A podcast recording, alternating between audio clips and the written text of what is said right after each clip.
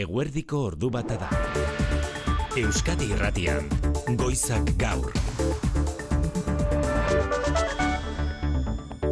Arratsalde on deizuela guztioi Espainiako gobernuak erkidego guztietako ambulategietan eta erietxeetan musukoa derrigortzeko iragarri duen neurriari iskin nola egin aztertzen ari dira ordu honetan jaularitza bezala Nafarroako gobernua ezpaitute uste ego Euskal Herriko egoera epidemiologikoak gisako neurria justifikatzen duenik. Gotzone zagardu osasun zailburua ministrak bere horretan jarraituko balu eta inposatzea egiten baldin badu, orduan gure egoera zein litzateken juridikoki ere aztertzen gabiltzala.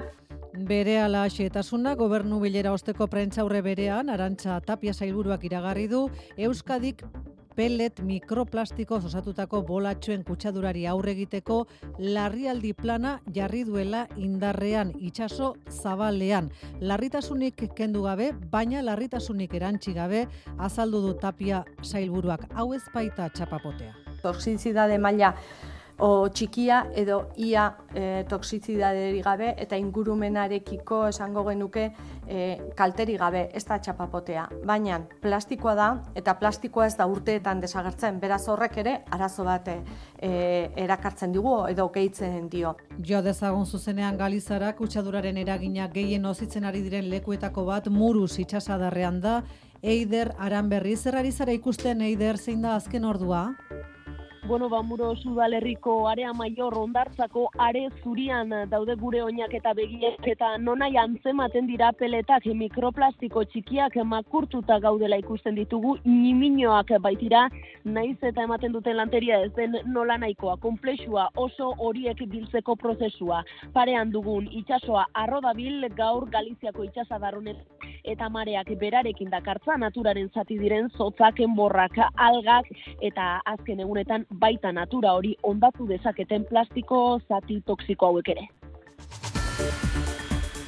Eguneko beste lerroburuetan inigo alusti zarratxalde. Baita zuri ere maite. Donostiako udala, elegitea jartzeko aukera aztertzen ari da udaltzainei B2 Euskara maila eskatzea diskriminatzailea dela ebatzi duen azken epaiaren aurka. Eneko goi alkatea kalare argi du epaiak Euskararen normalizazioaren kontra jotzen duela. Horredako epaiek Euskararen normalizazioaren aurka egiten dute da, eta nik uste dut Euskaldiztunak e, direnen eskubideak zadantzan jartzen dituzte da. Ez usteko mugimendua, Arabako Herrioxan bastidan gertatu dena, alderdi popularreko alkateren aurkako zentsura mozioa jarri nahi baitu abian. EH Bilduk, iazko maiatzean, Eusko alderdi jeltzalea utzi zuten zinegotziekin batera. Alderdi jeltzaleko zuzendaritzak eragotzi egin zien maiatzean bere zinegotziei alkate gaia aurkeztea bastidako udala popularren esku utziz, eta orain EH Bilduk jodu gaur egun lasa bai taldea osatzen duten zinegotzi horien gana eskuin muturreko jarrerei ateak itxi eta udal gobernu aurrerako ja osatzeko helburuz. Lasabaiko zinegotziak proposamena aztertzeko prestagertu dira eta Daniel García alkate popularra bitartean harrituta. La primera palabra puede ser sorpresa. Y precisamente estábamos a la espera de, de, de recibir alguna propuesta por parte de, de H. Bildu. Besteak beste, para, EH Bilduren beraren proposamenaren zain baitzegoen udalaren aurrekontuak adostu alizateko. Aktualitate politikoan Frantzian guztien eh, ahotan zebilen izena, Gabriel Atal izendatu berri du Emmanuel Macron presidenteak Frantziako lehen ministro hogeita mala urterekin Bosgarren Errepublikako lehen ministrorik gazteen. Macronen politikari urbilenetakoa da Atal oso ezaguna herritarren artean, besteak beste hezkuntza ministro izan baita orain arte eta aurrez gobernuaren bozera maile bi urte urtez, Macron presidentearen laugarren lehen ministroa izango da Gabriela eta latzo dimisio eman zuen Elisabeth Bornen ordez. Eta ekialde hurbilean tentsioa baretu nahian Benjamin Netanyahu Israelgo lehen ministroarekin dagoeneko elkartuta Anthony Blinken estatu batuetako estatu idazkaria. Une zailean iritsi da Blinken Tel Avivera Libanoko frontean borroka gogortzen ari baita egunez egun. And of course we'll have an opportunity to sit with the uh, families of some of the hostages. Eta Blinkenek Israelera eraman duen mezua baituak ez dituztela aztu eta eta erantsi du alegin guztiak egingo dituztela guztiak etxera itzul daitezen. Errepidetan egoera zein da, nain zauzti? Unionetan ez dago aparteko eragozpenik, dena den gogoratu behar dugu, ez behar larria gertatu dela goizean, NSI da berrogeita lau errepidean, santurtzi parean, portura doan errepidean, mamariegoko tunelen parean, kamioik bat hilda, istripua izan eta kamioiak suartu ondoren. Ezagutzen ez diren arrazoia tarteko erregaia zeraman kamioiak segurtasunesia jodu eta jarraian su hartu kamigidariak ezin izan du kabinatik atera eta bertan hilda santurtziko portua itxita egonda bi orduz, orain bai pasa dago bertan. Jaione Munarriz Euskalme, Arratsaldeon. Kaixo Arratsaldeon. Nola dato zurren gordua Jaione? Ba, otzetik eh, dator arratsaldea, izan ere, baiara batzuetan eh, beodeiekin eh, jarrai dezakegu datozen orduetan ere, kostatzen ari baizaio beodei hauei eh, desegitea, eta ondorio zelan gutxi egingo du termometroak, eta ostarteak nagusi diren zornaldetan ere, eguzkiak ez du giroa gehiagi goxatzea lortuko ondoren, gainera juntzerako erdimaiako deiak eta goio deiak sartu zuango dira hortaz, gaurko hotz azpimarratuko dugu. Hotza gaurko eta biharko zertxo bai gehiago argitu alda, atzo aipatzen zenuen ez egon kortasuna, aligian oraino el, iritz liteken elurre kuota, eta Bai. prezipitaziorik izango den. Bai, e, bihar esango dugu aire masa hotzago bat iritsiko dela eta mendebaldetik e, fronte bat e, gaineratuko zaigu goizeko lehen orduetan eta panorama horrekin goizean egoizetik e, kanta hori xurialdean euria egingo du, zaparradak botako ditu eta barnealdean berriz euraldia makurragoa izango da. Izan ere orokorrean bihar elurkota bosteun eta zortzio metro artean kokatuko da eta leku askotan ba, elurra egin dezake, araban eta nafarran elur busti moduan. Toki askotan baina zailagoa da katzatzea eta araban zuritzeko probabilitatea handiagoa da ekialdean ohiko lekuetan, baina orokorrean gutxi pilatuko litzateke, mendialdetan zertxo bait gehiago lodituko luke eta Nafarroan litekena da ba, elur gehiago egitea. Gero prezipitazioak orokorrean arratsaldeak aurrera eginala gutxitu ze joango dira. Urte sasoiari dagokiona nolanain nolanai ere jaion eskerrik asko. Vale, gero arte. Beste gauza bada Kopernikus txostenak oraintxe jakinarazi duena ordu bat arte enbargatuta zegoen txostenaren emaitza 2023 garren urtea temperaturaren erregistroak daudenetik sekulako beroena izan dela albistegi hau amaitzerako emango dizkizuegu xehetasunak. Iñaki Berastegi arratsaldeon. Arratsalde maite. Osasuna Saudi Arabiara bidean da. Bai, goizeko bederatziak aldera abiatu da, ostegunean Barcelonaren aurka Superkopako finalerdia jokatzeko, Jago Barrasatek gaur goizean abiatu horretik hogeita lau jokalariko zerrenda eman du, eta iruñan geratu da min hartuta, Tximi Abila arratsaldeko zazpiak aldera, dira riaden duten hotelera iristekoak gorritxoak, gaur atxeen eguna, eta bihar eh, azken lan saioa. Handi batean finalerdi horren menpe dago, osasunaren eta realaren arteko kopako final sortzerenetako partida, asteazkenean edo ostegunean jokatuko da, sadarren atletikek eta alabesek, badakiten noiz jokatuko duten, datorren aste artean neurtuko dituzte indarrak samamesen. Eta saskiboloian aipatu baino ez, Euroligako neurketa daukala, gaur arratsaleko zazpietan Baskoniak, Monakoren pistan. Eta kulturleioan miarritzen nazioarteko dokumentalaren erakus leioa handia bilakatuko da datorren astea manuetxe sortu. Kaixo maite FIPA DOC jaialdia zari gara dokumentalen miarritzeko nazioarteko jaialdia zurtarrilaren emeretzetik hogeita zazpire egingo dute eta aurten iazko arrakasta errepikatzeko asmo ziaz hogeita amabi mila eta laureun ikusle arrimatu zirelako miarritzera dokumentalak ikustera. Benetako historien festivala berrogeita mar herrialde, eundirurogei lan aurkeztuko dituzte, herrialde gonbiatu Italia izango da, eta eskainiko dituzten dokumentalen artean gai nagusia irango egoera eta beltzen kontrako jazarpena estatu batuetan Le mercredi 2 mars 1955, Claudette Colvin monte dans le bus. Esate baterako Claudette Colvin eskatzaren historia, mila bederatzen da berrogeita mabosgarren urtean, autobusean, zuri bati eserleko guztera behartu zuten eta ez ez esan zuen. Euskal Ordezkarek ere izango dira FIPADok jaialdian miarritzen, Itziar Limans, Beñat Gereka eta Iker Esteibar landaren lanak emango dituzte maite. Ordu bata eta zortzi minutu dira Mikel Retegi eta Xabi Iraola teknikan eta errealizazioan. Euskadi Irratian. Goizak gaur. Maite Artola. Jaurlaritzak zein Nafarroako gobernuak ez diote ez hankarik ez bururik ikusten Espainiako gobernuak ospitaletan eta osasun zentro guztietan musukoaren erabilera derrigortzeko egin duen mugimenduari.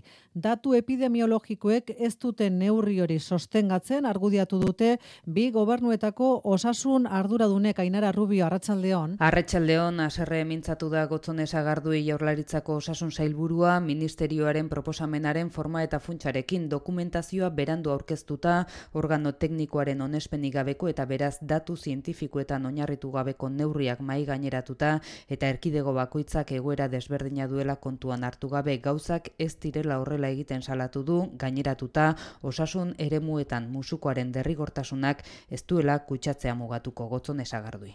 Horrek kutsaduraren zabalera edo zabaltzea ez du murriztuko.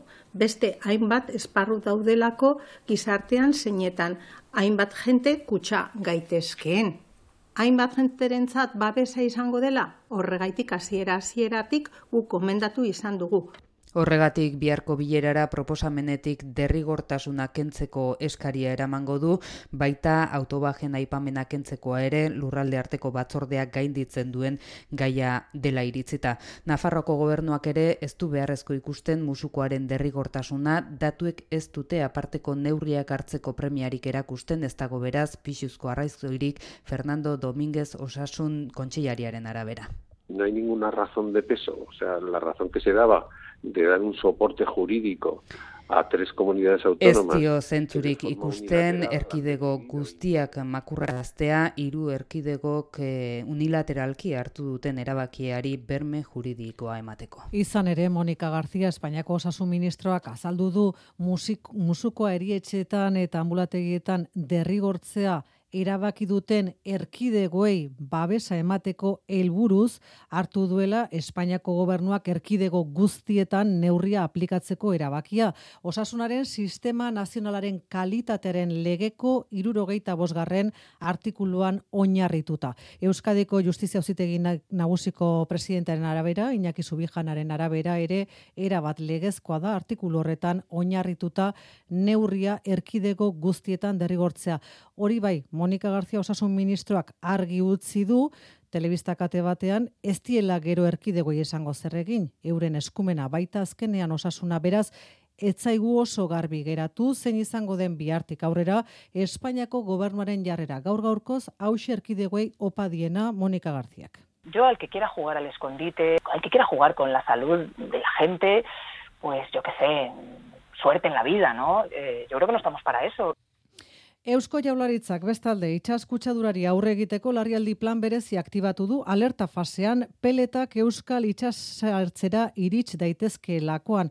Epe laburrean ekialdeko eta ipar ekialdeko aizea tarteko ez du aurre ikusten Jaularitzak plastikozko pinporta hoiek gure uretan ikustea, baina hainbat lan lerro abian jarri dituzte prebentzio gisa ekaitzagirre. Itsasertza izeneko planaren alerta fasea da aktibatu dutena Arantxa Tapia ingurumen sailburuak jak jakinarazi duenez, aztiren bitartez, isurketen monitorizazioa egiten ari direla zehaztu dutapiak, korrontea izete eta olatuen arabera, plastiko bolatxoek izan dezaketen bilakaera simulatuz. Epe motzean ez dute Euskal Ondartzetara eta itxasertzera iriste aurre ikusten.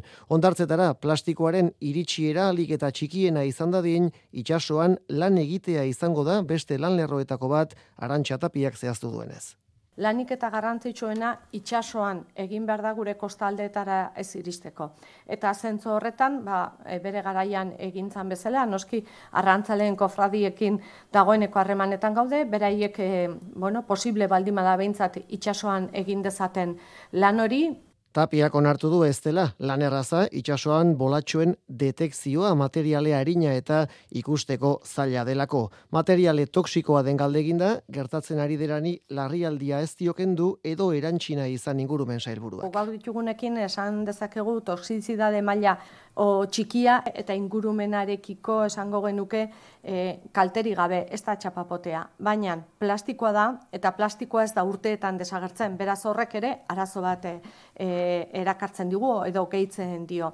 Behin plan aktibatuta Josu Erkorekak deituko du, datozen orduetan jarraipena egiteko agolku batzordearen lehenengo bilera. Planak plan, pelet mikroplastiko kutsadura behin bizkaiko golkora iritsita, neurri eraginkorrak hartzea zaila dela azaldu du Euskadirratiko faktorian Nestor Etxeberria, EHUko kimika doktorea eta plentziako itxas estazioko ikerlariak ondartzak garbitzea baino, askoz gehiago nekez egin daiteke bere esanetan momentu honetan ja bizkaiko golkoan sartzen badira eta naiz eta kostaldetik oso gertu agertu alerikorrak oso sakabanatuta daude eta oso, eta oso txikia dira ez dira begi biztan oso asko urbiltzen espaldin magara ez ditu ikusiko beraz komplikatua da. Nik uste dut eh, ondartza garbitzea izan daiteke arazoa e, nolabai saiesteko modu bakarritariko bat. Arratsaldeko ordubietan goizak gaur albiztegian xehetasun gehiagorekin egingo dugu Nestor Etxeberriak e, eman dituen lerroburuen entresaka. Galizako pelet kutsadurari lotuta lehen salaketa penala jarri dute bestalde talde ekologistek, noiako epaitegian jarri du demanda ekologistasen akzion taldeak Atlantikoko uretan hogeita zei tona pelet galdu zituen toko nao, bandera liberiarreko untziaren jaberen aurka. Amar milioi euroko fidantza ere eskatu dute kutsatzea garbitzeko prozesu luze eta garestia izango dela aurre ikusten baitute. Jo dezagun berriz ere muroseko itxasadarrera, bertan da Eider Aranberri Euskadiratiaren bidali berezi Arratsalde hona Eider. Arratsalde maite. Voluntarioek egin dute gehien bat al izan duten bezala mikroplastikoen bilketa, udalak bazuen esperantza gaurtik untziaren aseguruak hartuko zuela bere gain lan hori hori, zertan dira gauzak? Bueno, ba, muro sudalerrian amaituta edo amaitzear behar du alkatearen e, garbik eta enpresak ordezkarien eta itxaski biltzaien e, bilerak e, asmoa gaur bertan ondartza honetara e, etorri eta garbik eta lanei ekitea da premiaz etenik gabe lan asko dagoelako egiteko eta herritarren artean kezka areagotzen ari delako. Alaxe kontatu digute se nota preocupación. Te están dañando todo el ecosistema, nuestras playas, que es lo mejor que tenemos, dependemos de ellas, el berberecho, todo el marisco. Eta kezka herritarren eh, artean bakarrik ez, baita arrain eh, saltzaien artean ere entzun. Porque eh, esto puede afectar mucho al pescado. Tanto, a ver, nosotros comemos el pescado. Bitartean maila administratiboan deskonfiantza falta da, xuntak berak berreun langile bideratu ditu baina udalen eh, esku utzi du garbiketaren gehiena eta azken orduetan igorritako gutunean adierazi die udaletako ordezkariei ondoren jasoko dutela kalte ordaina Ribeirako Benega alderdiko alkatea ordea ez da fio. Claro, porque no sabemos eh, cómo se va a realizar esa indemnización biltzen ari diren materiala hasiera batean prozesatu egiten zuten, baina orain eh, biltegietan gordetzea erabaki dute bildu duten guztia esan eh, eta sinetxiko ez dielakoan. Herri oso bat, erkidego oso bat berriz ere itxasoari zo, kargaontzia fletatu zuen maerka enpresa daniarra, aseguru etxen bitartez, ari da eragindako kaltari konponbidea emanaian, baina luzerako konponbidea beharko du, esan dugulako ez dela bere alakoa izango hau guztia garbitzeko lana. Asturiasek larrialde planaren bigarren maila jarri du indarrean, itxasertzean pelet pinporten agerraldia zabaltzen ari dela ikusita. Horri esker, estatuaren baliabideak ere izango ditu Asturiasek bere esku garbik eta lanetarako galizak ez bezala.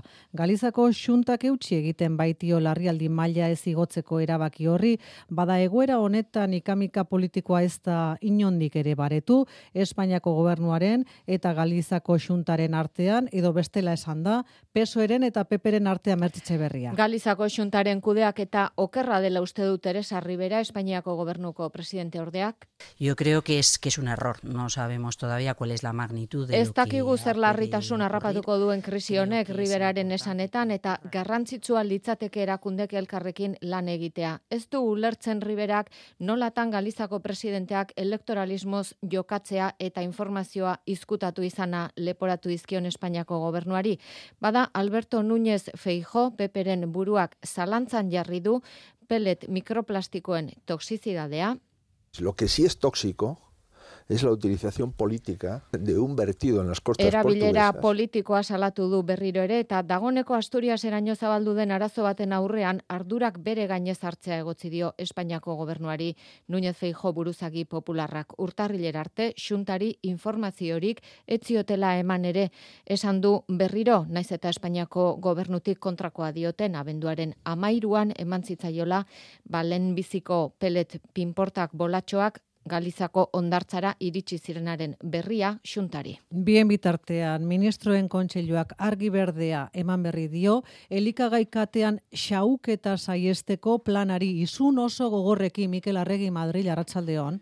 Kaixo Arratsaldeon bigarren legealdiz jarraian Espainiako gobernuak elikagai xeukeria lege proiektu onartu du ministroen kontseiluan ekimenak kongresuaren oniritzia jaso zuen pasaden maiatzean baina hauteskunde deialdiak bere tramitazioa eten zuenez orain gobernuak berriz bidali beharko du lege, lege proiektu hau parlamentura. Lege honek elikagai kate osoan eragin nahi du usta, bat, usta batzetik eh, kontsumo momentura arte xaukeria saiesteko. Luis Planas nekazaritza arrantza eta elikadura ministroak argi dio Aquí no se tira nada.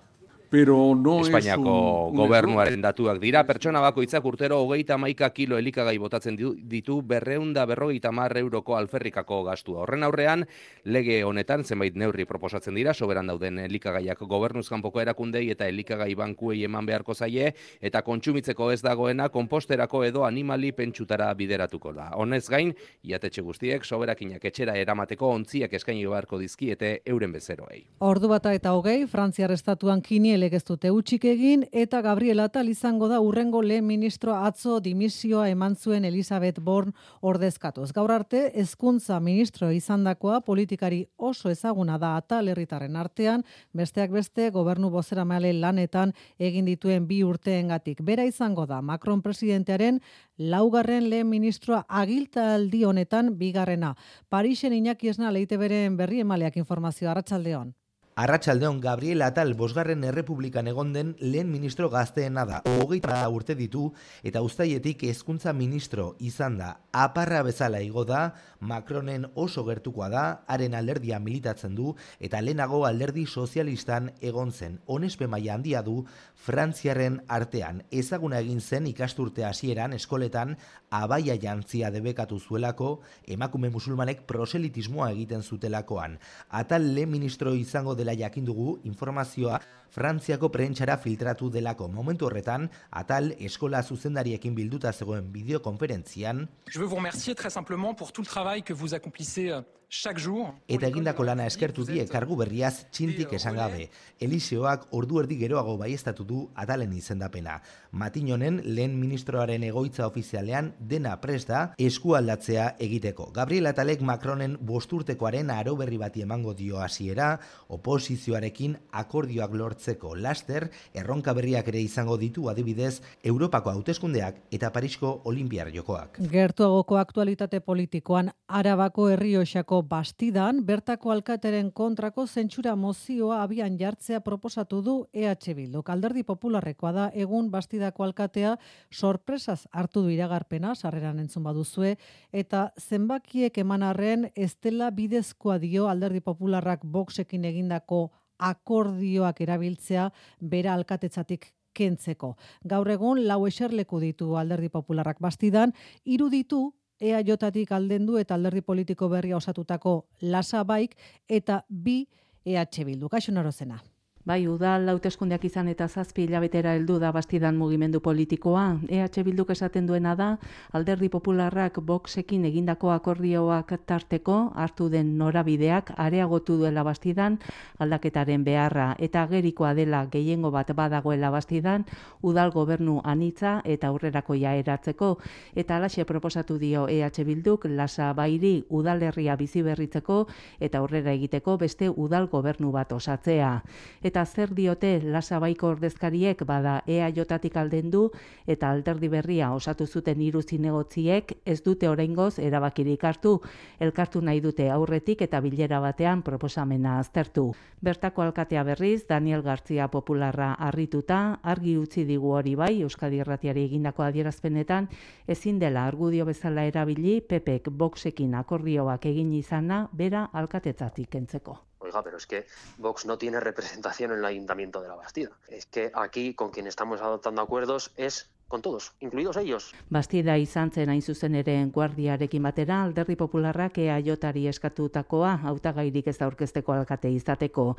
Bastidan EAJako nartu zuen popularren eskaera, guardian berriz, jaltzaleken gobernatzen dute. Ordu bat eta hogeita lau inaki jana Euskadiko Justizia Uzitegi Nagusiko presidenteak ukatu egindu Euskararen aurkako oldarraldi judizialik dagoenik, epaitegiek edo epaileek Euskararekiko sensibilitaterik ez dutenik, aitzitik Zubijanaren hitzetan euskararen normalizaziorako legea besterik ez dira epaileak aplikatzen ari. Donostiako epaitegi batek udaltzain izateko euskara eskatzea diskriminatzailea dela ebatzi ondoren ordea goi alkatea entzan dugu esanez epaiak euskaliztunen eskubideak auzitan jartzen dituela eta bide beretik mintzatu berri da bingen zupiria hizkuntza politikarako sailburua urtzigartzia. Euskararen normalizazioaren aurkako epaia da eneko goia Donostiako alkatearen eta bingen zupiria jaurraritzaren bozera maileta hizkuntza politikarako helburuaren esanetan. Epaia oso ez ezkortzat e, jotzea dagokit. Iruditzen zaita zuzen ere, horredako epaiek euskararen normalizazioaren aurka egiten dute da, Eta nik uste dut Euskaldiztunak e, direnen eskubideak zadantzan jartzen dituzte da. Nik bat egiten dut Donostiako alkateak egin duen adierazpenarekin eta ez nator bat justizia epaitegi honek e, hartu duen e, ebatziarekin edo ebazpenarekin. Epaitegietatik hizkuntza berdintasunaren alde gizartean dagoen konsensu zabalaren aurka jotzen ari direla uste du Ider Mendoza Gipuzkoako aldu nagusiak, bestelakoa da Iñaki Subijana Euskadiko Justizia Uzitegi Nagusiko presidentearen iritzia. Radio Euskadiri eskainitako elkarrizketan adirazi duenez, epailiak euskararen normalizaziorako legea aplikatzen ari dira, baina aitortu du están generando un elemento de descontextualización en el sentido que trasladan Epaiak ari direle ematen euskararen normalizaziorako lege aplikatzen ez den itxura baina ez dela egia. Edo nola ere edozein gizarte demokratikotan bezala eztabaidagarria izan daitekela sektore publikoan lan egiteko esartzen diren hizkuntza eskakizunei buruz epaileak erabiltzen dituzten irizpideak. eta zera gehitu du?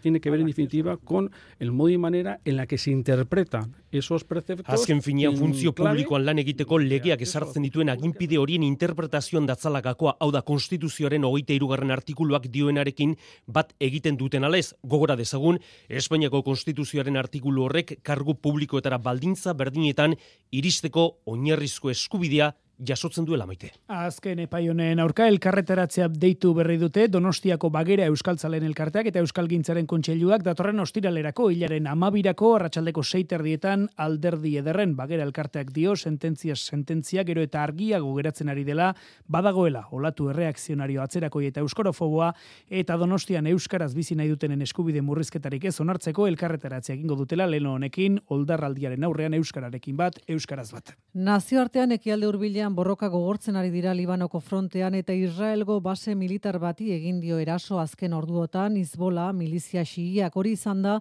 atzo komandante baten hilketari emandako erantzuna. Bada tentsio giro horretan iritsi da Tel egoera baretzeko ahaleginean Anthony Blinken estatu batuetako estatu idazkaria ekialde hurbiletik azken ordua Mikel Aiestaran eite beren berri emaleak arratsaldeon. Arratsaldeon, Gazako gerra Libanoko mugara zabaldu da. Hezbolako goi komandante bat hil eta hogeita ordu baino gutxiagora Israelek beste hiru miliziano hil ditu. Israeldarrek milizianoak zijoazen autoari eraso diote mugatik gertu. Talde xiitak lehen erantzun bat eman du eta drone batek armadaren iparraldeko komandoaren basea jo du, Safet irian. Israel eta Hezbola joko arriskutsuan sartu dira eguneroko eraso eta erantzunekin. Kalkulu akatsik txikienak gerra handia eragin dezake. Hori da Amerikako estatu batuen beldurra eta horregatik dago Antoni Blinken Tel Aviven. Estatu idazkaria iparraldeko frontean deseskalatzea lortzen saiatzen ari da, arreta guztia gazan laguntza gehiago sartzera zuzendu ahal izateko. Israel darre Hezbola mugatik erretiratzeko eskatu dute, zibilak segurtasun faltagatik ebakuatu behar izan zituzten herrietara itzuli ahal izateko. Hezbolak dio, gazaren aurkako erasoak eten arte, borrokan jarraituko dutela egunero. Aginduz dizuegu Kopernikus txostenaren berri emango genizuela xetasunez, 2008 garren urtea temperaturaren erregistroak daudenetik sekulako beroena dela konfirmatzera datorren txostena langa guztiak gainditu Zamaia Portugal, Brusela, Arratxaldeon. Arratxaldeon, ia amabos graduko temperatura globala izan zen betaiz beste 2008 iruan, nabarmen gaindituta ala 2008 indarrean zen marka. Espero zena berretsi du Europar Batzordearen Kopernikus zerbitzuak eta oartarazi du iris iristear garela Parisko itunaren arabera iritsi behar omen ez genuen langa horretara. Hau da, oso litekena dela urtengo urtarrilerako edo otsailerako jada urte oso bateko temperatura globala izatea aurre industrializaziokoa baino gradu eta erdi beroagoa. Hori batez bestekoari dagokionez, baina bat koma bos graduko mugarri hori 2008an ia egunen erdiak gainditu zuen jada eta egun guzti guztiak izan ziren gutxienez gradu bat beroagoak duela eunda berrogeita bat urtekoekin banan-banan alderatuta. Carlo Bontempo zerbitzuaren zuzendariako hartarazi du gure planetan temperaturak ez direla hain beroak izan gizakia bertan denetik.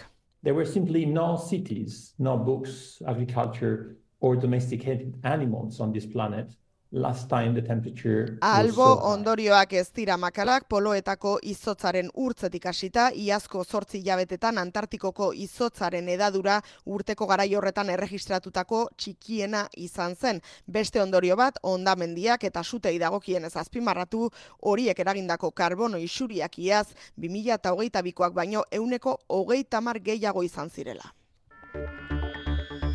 Bestelako sute baten berri, amezketan ola auzoan autoak konpontzen eta pintantzen dituzten olalde garajean izan da goizean, kalte material haundiak dira anain zauzti?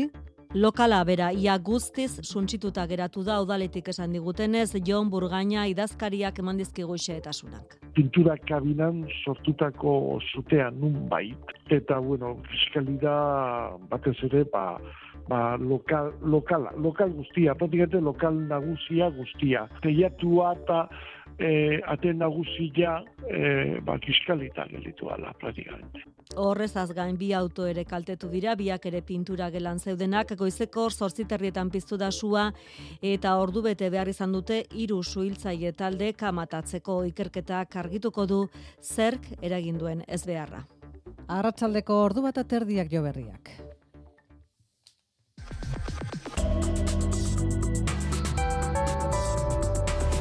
Euskadi Irratian eguraldia eta trafikoa. Nola daude errepideak ordu honetan, Aina Mendiburu? N6 laulau errepidean, santurtzi parean, portura doan errepidearen parean, baipasa goizean goizetik, gogoratu kamioi gidari batildela istripua izan eta kamioiak su hartuta, garabia ez behar lekuan da, kamioia eta zisterna bidetik entzeko. Eguraldiaren pronostiko aurrengo orduetarako euskalmeten eskutik. Hotz egingo du arratsaldean e, bailera batzuetan beodeiekin eh, jarraitu dezakegu eta ondorioz e, lan gutxi egingo du termometroak eta ostarteak nagusi diren zonaldetan ere eguzkiak ez du giroa goxatzea lortuko. Ondoren iluntzerako erdi mailako deiak eta goio deiak sartuz joango dira. Eta bihar negu itxura hartuko du eguraldiak batez ere barnealdean. Goizean goize fronte bat iritsiko da, zaparradak botatzen hasiko da eta elurkota 500 eta 800 metro artean kokatuko da eta kota basuena araba ekialdean eta Nafar Nafarroan egoliteke eta ber zuritzeko probabilitatea handiagoa da. Mendietan berriz gehiago lo dituko du. Kantauri xurialdean aldiz tarteka euria egingo du.